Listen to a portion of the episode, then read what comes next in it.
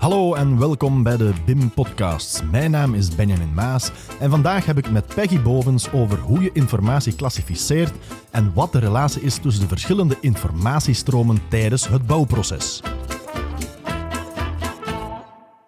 Dag Peggy. Dag Benjamin. We zijn gewoon uh, live voor het moment. Peggy Bovens, ik heb u al een aantal keer gesproken en gezien op verschillende evenementen, uh, verschillende Teams-meetings. Maar uh, stelt u eens even voor dat de luisteraars weten wie Peggy Bovens is. Peggy Bovens is in 92 afgestudeerd als burgerlijk ingenieur-architect aan de Universiteit van Gent. De oude richting nog. Dus dat wil zeggen, creativiteit, dat was eigenlijk, laten we zeggen, 1% of zoiets. Okay. Daar, uh, uh, maar ik heb geen stage gedaan als architect. Ik ben eigenlijk rechtstreeks, uh, of zo goed als rechtstreeks, de aannemerij ingestapt. Ja. Eerst bij Illehems, als ik mij goed herinner, ja, als uh, aankoper. Allee, de bedoeling was dat ik daar ging doorgroeien tot aankoper. Uiteindelijk, wegens interne personeelswissels, is dat, dat daar niet doorgegaan. Maar ben ik verhuisd eigenlijk naar de zusterfirma, Eurobeton. Die deden architectonisch beton. Ja. Waar ik um, voor de eerste keer met werkvoorbereidingen geconfronteerd ben geweest. Want ik moest daar uh, het architectonisch beton berekenen. Uh, en ook die tekeningen uitwerken. Dus eigenlijk de link tussen, je krijgt enerzijds de tekeningen van een architect en anderzijds de tekeningen van de stabiliteitsingenieur. En jij moet die werkvoorbereidingstekeningen maken voor de architectonisch beton voor de fabriek.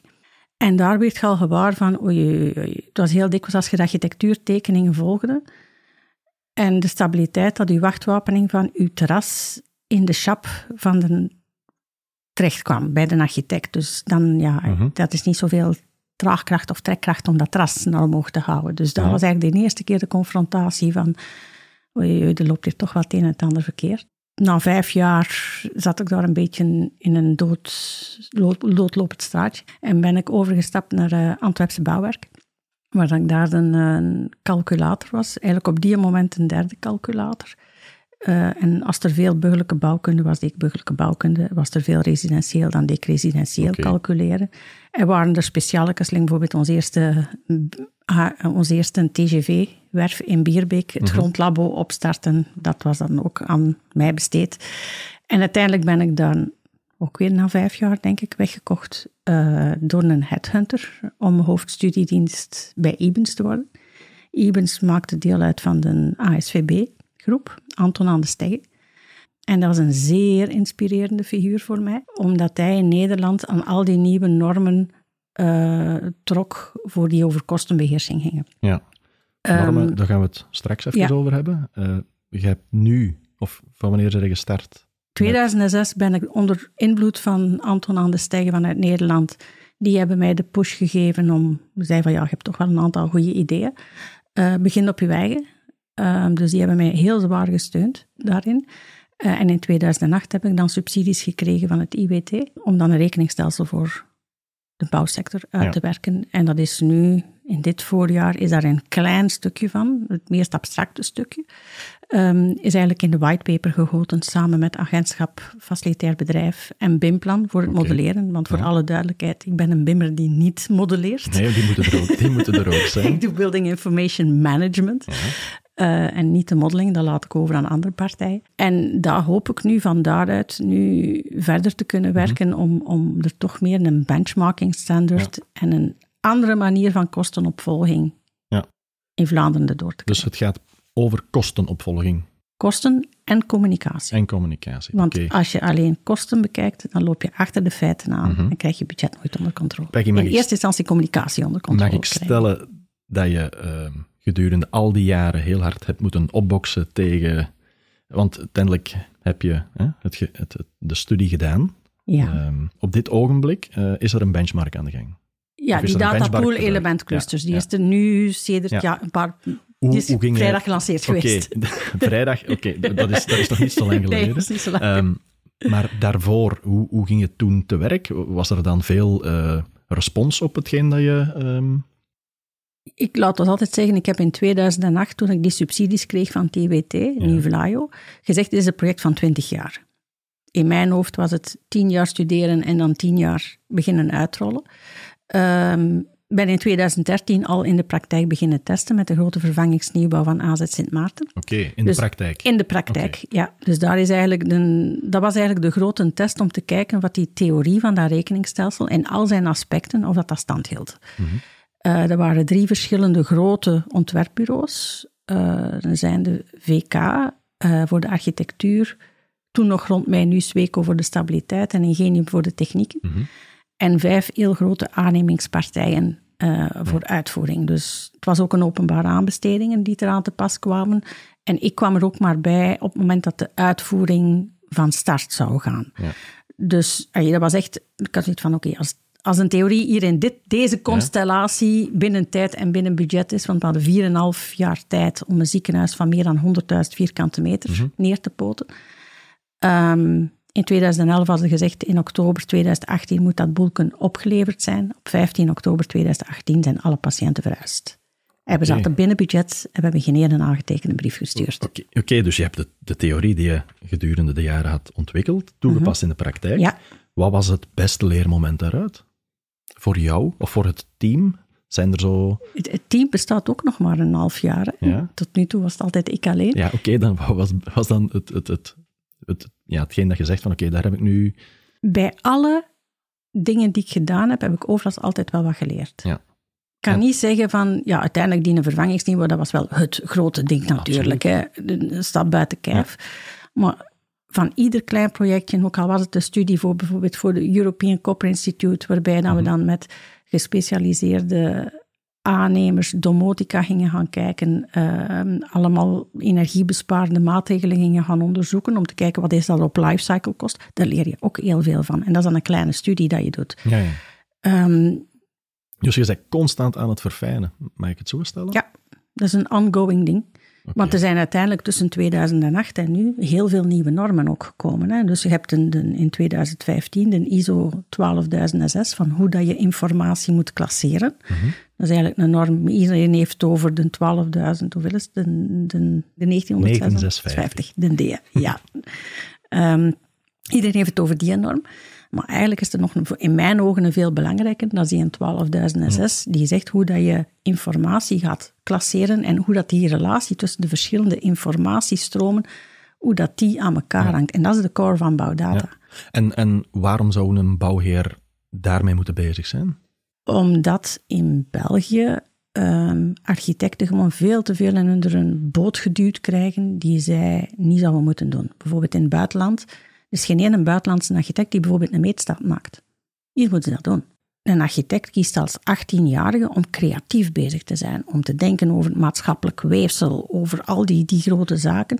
Die heeft niet gekozen om een manager te zijn, om met cijfertjes bezig te zijn, om verslagen te schrijven, om documenten te beheren. Dat is een soort secretariaatswerk. dus Schuif dat niet in die een boot van die mens. Om hem te ontlasten, zou Tuurlijk. dat dan bij... Ik vind dat al die, dat zie je ook aan het tekeningsken eh, van bouwdata. Dus je hebt die drie grote partijen, die een bouwheer, die wilt verhuren, verkopen, zijn gebruikers optimaal laten. Die kijkt meestal 2D, plat op de grond van, van wat zit waar. Dan heb je die grote groep ontwerpers, die kijken meer naar functie, meer top-down, die gaan van grof naar fijn. En dan heb je die grote groep aannemers, die eigenlijk bottom-up kijken. En die gaan alle drie over dezelfde zak geld. Maar als je vraagt van, geef nu een keer alle drie hun eigen meest ideale meetstaat, dan gaat die er totaal anders uitzien. Gewoon omdat die kennis die ze nodig hebben totaal anders is. En wij zijn eigenlijk met bouwdata en assistent bouwheer is eigenlijk dat tandwiel op de achtergrond, die maakt dat ook als die twee van die drie partijen bijvoorbeeld hetzelfde woord gebruiken, maar daar iets anders mee bedoelen, die dat boven water vist. En die eigenlijk alle administratie, alle financiën centraal stelt, centraal beheert en die eigenlijk ontlast. Dus in plaats van met verschillende ogen naar een project te kijken, zoals je daarnet zei, ga jij echt zeggen van oké, we gaan dit centraliseren, zoals je hier op je Ja, ehm, mooie, maar ik, ik zal het geen cartoon noemen. eh, ja, dat is wel een cartoon. ja, het Mijn cartoon. eigen, dat een beetje cartoon toch achtig. eh, met de drie, van humor. ja, absoluut, maar dat is, dat is zeer belangrijk. Met eh, de drie cost, communication en circularity. Op het einde van de rit was dan, ja, wat de bouwheer, waar gaat je gebaat mee zijn dan? Op het eind van de rit met het project? Ehm, vrijdag heb ik vooral geleerd tijdens het panelgesprek op het event Ja. gemoedsrust. Oké, je moet dus. Oké, vrijdag is er een, een, een panelgesprek geweest. Kunnen ze een groot event geweest. Een groot event, ja. Want ik, ja, uh, daar straks zei je van, ik ben tot op heden alleen geweest in, in het uh, bouwdata gebeuren. Mm was er dan momenteel aan de hand? Nou, dus genoeg geëxperimenteerd te hebben. Ehm, en zeker te zijn dat de methodiek in de praktijk werkt. Ja kreeg ik heel vaak de kritiek van, ja, maar uh, bouwdata, we geloven daar wel in, maar het is Peggy alleen. Als Peggy tegen een boom rijdt, dan is het ook allemaal weg. Het zit mhm. ook allemaal op dit moment, de templates zijn Excel-templates. Um, dus het was eigenlijk tijd voor de volgende stap. Ik was zeker genoeg van mijn eigen en van de theorie om te zeggen van oké, hier kan er want ik had nog altijd mijn valorisatie van 2008 van mijn IWT-subsidie niet gedaan. Dus ja, vroeg of laat, beter laat dan vroeg dan, in mijn geval, uh, is dat nu, ben ik nu eigenlijk met die valorisatie bezig. Het is te zeggen, kijk nu met freelancers, dat zijn er drie. Uh, eerste is Martin Brochet, die dan op die datapool en die, we gaan dus eigenlijk, doelstelling is van die eerste poot, uh, dat is om uh, tegen eind 2025 1 miljoen vierkante meter S-build-dossiers te gaan dataminen, zodanig dat de data die daarin zitten omzetten in kennis, ja. conform die een whitepaper, die in het voorjaar met het agentschap facilitair bedrijf allee, geschreven is geweest. Dus we gaan eigenlijk al die data omzetten naar elementclusters, zodanig dat eigenlijk als je een nieuw project gaat starten, dat je eigenlijk een, een soort van benchmarking tool hebt, waarbij dat je kan, je maakt u, nog altijd je eigen raping op je eigen manier, maar op een tweede scherm kan je onze datapool open doen en kan je gaan kijken van oké, fundering, zit ik, in de... Zit ik in de juiste richting ongeveer? En dat zo voor, voor, voor, fundering, voor skelet, voor gevel, ook voor installaties mhm. en, en, en dergelijke meer. Dus die structuur die ligt nu vast. Ja. Dat is de eerste pot. De tweede poot is ja, ik die nog altijd tegen die een boom kon rijden. Daar heb ik Sigrid Ardoui. Laat ons dat niet. Laat ons dat niet hopen dat ik dat niet doe. Nee, die dus nu eigenlijk met een evenwaardige evenknie is. Mhm. Heeft volledig dezelfde achtergrondopleiding, achtergrondwerkervaring. Dus we zijn nu met twee, die dus het klassieke wat ik al altijd doe, blijft verder doen. En dan hebben we Laura Dunmayel, die um, eigenlijk de theorie verder gaat uitbreiden naar circulariteit toe omdat dus in die normen, vooral die Nederlandse benchmarkingsnorm, die NN 2699, ja, ik kan geen interview doen zonder mijn, zonder mijn nee, nummertjes te zeggen. de luisteraars, de, luisteraars die nu die zeggen, ah, dat is Peggy. Dat is Peggy. Peggy is aan het spreken. Daar, um, maar dus daarin zit er bijvoorbeeld een rubriek Z-baten. Dus eigenlijk als je een gebouw bekijkt, um, wij gaan altijd richting sloop. Nee, dat is een lineaire lijn. Maar eigenlijk is dat een cirkel. Want die materialen die in dat gebouw, die hebben toch op een bepaald moment een bepaalde waarde. Zeker banken gaan er meer en meer naar gaan kijken van, ja, oké, je bouwt hier nu wel iets, je gaat dat vroeg of laat, laten we zeggen binnen 35, binnen 40 jaar ga je dat slopen. Ehm, kan je nu via net present value al een, een inschatting maken van welke materialen kan je daaruit recupereren en, en kan je daar iets nieuws mee gaan doen. Denk bijvoorbeeld bepaalde metalen, als die op een bepaalde manier behandeld zijn, zijn die voor de schroot op. Dus al die, die achtergrond daarachter, daar is Laura zich aan het... dus eigenlijk de, de, het rekeningsstelsel gaat nog verder uitgebreid worden. Dus er is ook nu een negende afsprakenstelsel bij, substances. Net om die materialen uit een BIM-model te kunnen halen. Maar dat staat echt nog in zijn kinderschoenen. Bouwteams of, of bouwheren die hiermee willen starten, die dat willen toepassen, was de juiste, de, de juiste aanpak? Surfen naar www.bouwdata.net. Ja. Daar al mijn kennis mhm. die ik tot nu toe al opgebouwd heb, die staat allemaal daarop gepubliceerd via een blog. Dan publiceer ik zowel op LinkedIn als op die een eh, website. En daar zit ook een zoekfunctie op. Bijvoorbeeld als je zegt van, ga, ik, ik moet een aanbesteding doen, hunningscriteria. Ja, je geeft dat woordje in. De artikelen die ik daar ooit over geschreven heb, die staan daarin. Mhm. Dus de negen afsprakenstelsels in Excel-formaat, met waarin dus ook staat van hoe dat mijn conclusie is. Dus hoe zijn die Excels opgebouwd? Dus dat zijn eigenlijk de betrokken normen die daarin staan. En dan mijn, in een apart tabbladje mijn conclusie. Die kan je daar ook gratis op downloaden. Je moet zelfs niet eens registreren. Dus alles, al mijn theoretische kennis is gratis ter beschikking. Ehm, En ja, wij, wij krijgen ons inkomsten door gewoon ons diensten aan te bieden en door nu die een datapool, elementclusters, mm degenen die meebouwen en die een dossier inleggen, voor hen is de benchmarking gratis. Vanaf 2025 zal dat een abonnementsformule zijn. Ja, oké. Dus dat zijn mijn inkomsten dingen. Maar, je sprak daar juist over het, het panelgesprek uh, van het groot evenement. Mhm. Ehm, wat was daar zo uh, de teneur? Wat, wat, wat, wat is er van bijgebleven? Was het positief of, of, was het meer... Uh... Gelukkig wel, ja. Stel je voor, je nodigt 70 mensen uit in een zaal, een panel, en dan, dan komen die allemaal negatieve dingen zeggen. Het was niet goed. Het was niet goed, nee, nee, het was wel goed. Uh, nee, vooral die, het eerste is het, de financiële opvolging. Dat is sowieso het, het hetgeen we voor dan ze nemen. Het tweede is om alle informatie die anders via WeTransfer, via mail, via gelijk wat in het beste geval is er dan wel een Dropbox of een Docs of, of iets anders, waar dan die documenten in losse mapjes erop steken, waar ze na verloop van tijd niet meer weten wat dan ze welk mapje gestoken hebben. Wij structureren dat ook terug op basis van een norm. En wij beheren dat. Dus wij laten mensen van, ja, voel je comfortabeler om te mailen naar elkaar, mail dan naar elkaar. Wij pikken het wel op en wij sorteren die informatie. Dus wij zijn eigenlijk toch ook wel een stukje gesofisticeerde werksecretaris op dat vlak. Um, dus, en datgene, dat zorgde blijkbaar ook voor gemoedsrust. Dus de combinatie van de financiële opvolging, vooral dan ook het ticketsysteem. Dus Mhm. ieder vermoeden van wijziging die wordt gemeld. Die krijgt een, zo is een IT. Als je een IT en een helpdesk krijgt, dan krijg je zo'n automatische mail met een nummerke. En wel, wij hebben dat nu ook in de bouw, zo een ticketnummerke. Dus ieder vermoeden van wijziging, een, niet in het ontwerpproces, hè, want ja, anders een oneindig aantal ticketjes. Nee, een keer dat dat eigenlijk, laten we zeggen, dat je ontwerp vast ligt, dat je omgevingsvergunning hebt, vanaf, en dat een, de engineering build of de aannemer uh, aan boord is, dan schiet het ticketsysteem in actie.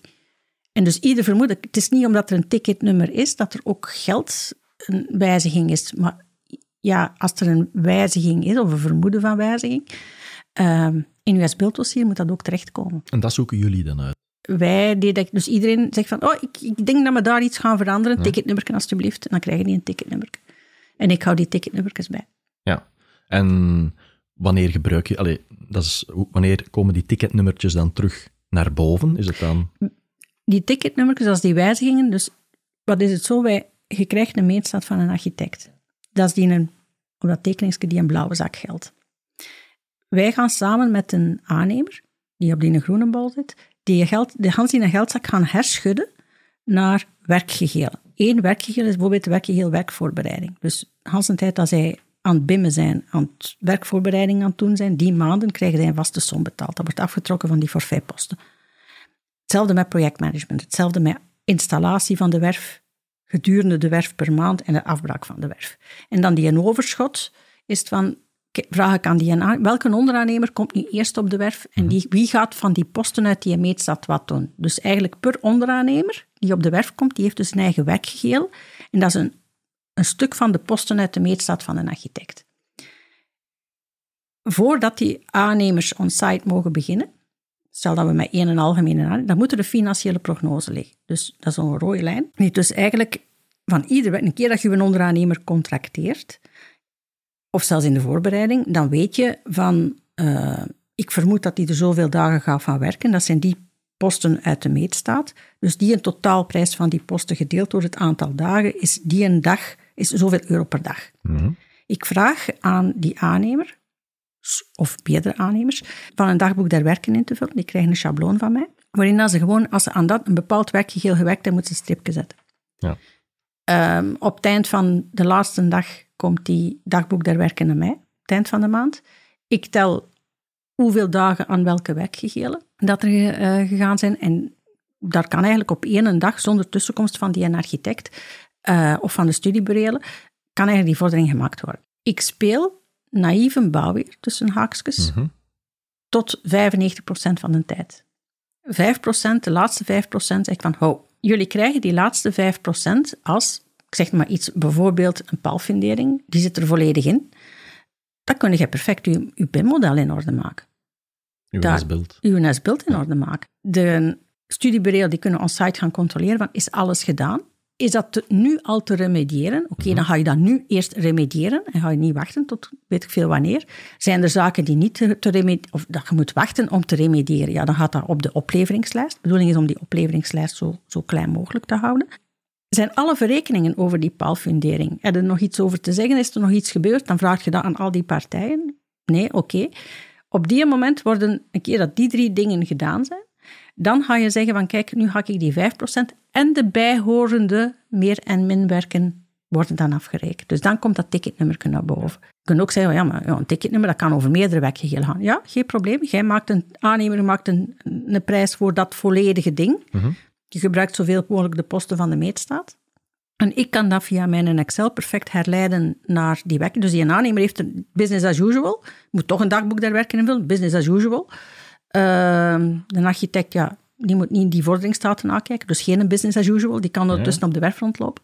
En die, eigenlijk, dat komt dan naar mij. En op die manier komen die ticketnummers naar boven. En, en op het eind van de rit is gewoon alles betaald. Ja, dus maandelijks wordt er dan ook betaald, als Ja. ik het zo mag. En dat is atypisch? Is dat typisch? Is Nee. dat... Op alle werven heb je maandelijkse vorderingsstaat. Het is alleen dat je een maandelijkse vorderingsstaat normaal op hoeveelheden hebt. Ja.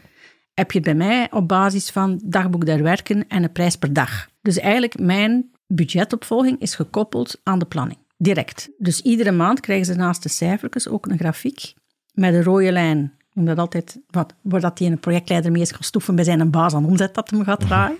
Op die maand, dat kan, ja, je kunt niet verwachten dat een aannemer bij het begin van een traject, dat die alles, stel dat de werf vijf jaar duurt, dat hij tot in de puntjes dat allemaal kan voorspellen. Dat kan niet gewoon niet. Dus zolang dat je niet aan een werkgeheel on-site bent begonnen, mag je dat werkgeheel samenvoegen, uitsplitsen, vroeger beginnen, later beginnen, whatever, dan mag je dat doen. Zo ontstaat er in die grafiek een blauwe lijn. In het begin loopt die vrij gelijk met die rode, maar die begint op een bepaald moment wel te zakken, want die rode lijn is utopie, van alles loopt op de werf perfect. Ja, ja. Op een bepaald moment ga je zien dat dat niet meer perfect loopt, want de ene heeft wat vertraging, of, of ja, dat, er zijn omsta- externe omstandigheden. Maar wat doet hij in Excel ook nog? Stel dat je vlak voor de start on-site zegt van, oh, maar ik ga hier 100 dagen mee bezig zijn, en die blijkt er onder de 10 dagen aan bezig zijn. Dat Excel is dan zo slim om ook een keer te gaan herrekenen, want ik heb eigenlijk als bouwer voorgefinancierd. Mhm. En dan verschijnt er een groen lijntje. En het verschil dus tussen dat rood lijntje en dat blauw lijntje, externe factoren. Maar tussen dat blauw lijntje en dat groen lijntje heb je eigenlijk geen enkel excuus, want je mag aanpassen tot de dag dat je eraan begint. Dus dat wil zeggen dat je werf niet onder controle hebt. En ik verzeker u, dat grafiekje heeft psychologisch honderd keer meer effect dan alle cijfers samen. Ja.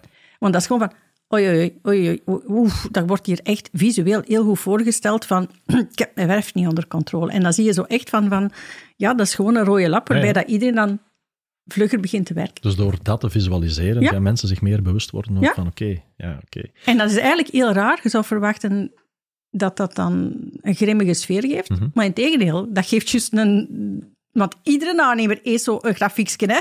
Ja, ja, ja. ja. Daar, eh, dus ja, eigenlijk geeft dat meer een teamwerk. Ja, oké. En dat is nu net heel het Heel de clue. heel de clue. We moeten meer gaan eh, werken als team en gaan communiceren. Uiteindelijk zijn we een voetbalploeg, hè. Uiteindelijk wel, ja. zo zou Nee, niet dat ik iets van voetbal ken, maar... En dan nog uitmaken wie dat een trainer is. En ik denk, denk dat ik al weet wie dat een trainer hier is. ik zie mijn eigen graag als coach. Is coach. Ja, ja. dus want uiteindelijk... Ik, mooie verwoording. ja, ik doe... Eigenlijk doe ik niks, hè. Allee, ik doe veel, maar aan zich... Ik ontwerp niet, ik voer niet uit. Ik heb ook geen relatie met de latere gebruikers daarvan. Jij bent het tandwiel. Tandwiel. Het tandwiel, dat- alle andere... Kunnen shinen. Ja. Het is ook de reden waarom dat bij mij alles oersaai, wit en grijs is. Mhm. En dat de rest in felle kleurtjes Ja. staat. Want ik moet niet shi- shinen. Ik bouw data people, die blijven op de achtergrond. En die maken net dat de rest kan shinen. En daar haal je uw energie uit? Natuurlijk. Ja. Niks dat plezanter is dan, dan, dan, dan een ploeg te hebben die bij opleiding, die, die bij oplevering. Mhm. Je zag dat het mooist bij de, ehm, de Facility Management Award, die eh, de vervangingsnieuwbouw eh, gewonnen heeft ehm, van Mechelen. Wij waren daar allemaal. En de reactie kreeg dan van, van Waarom zeggen jullie hier ook allemaal, architect, studiebureau, al die aannemers, van het is verschil, het is voor de bouw weer. Er zat iets. Zo van, ja, maar wij hebben dat hier wel allemaal samen gedaan, hè. Daar, en dat was zo... Het samenhorigheidsgevoel was... Ongelooflijk. Ja, wauw, dat is een mooie. Um, en ook, uh, want we zijn bijna aan het eind van uh, deze podcast. Um, ik vond het een inspirerend gesprek. Um, en ook voor, ik hoop dat de bouwheer er ook iets aan heeft, of de luisteraars.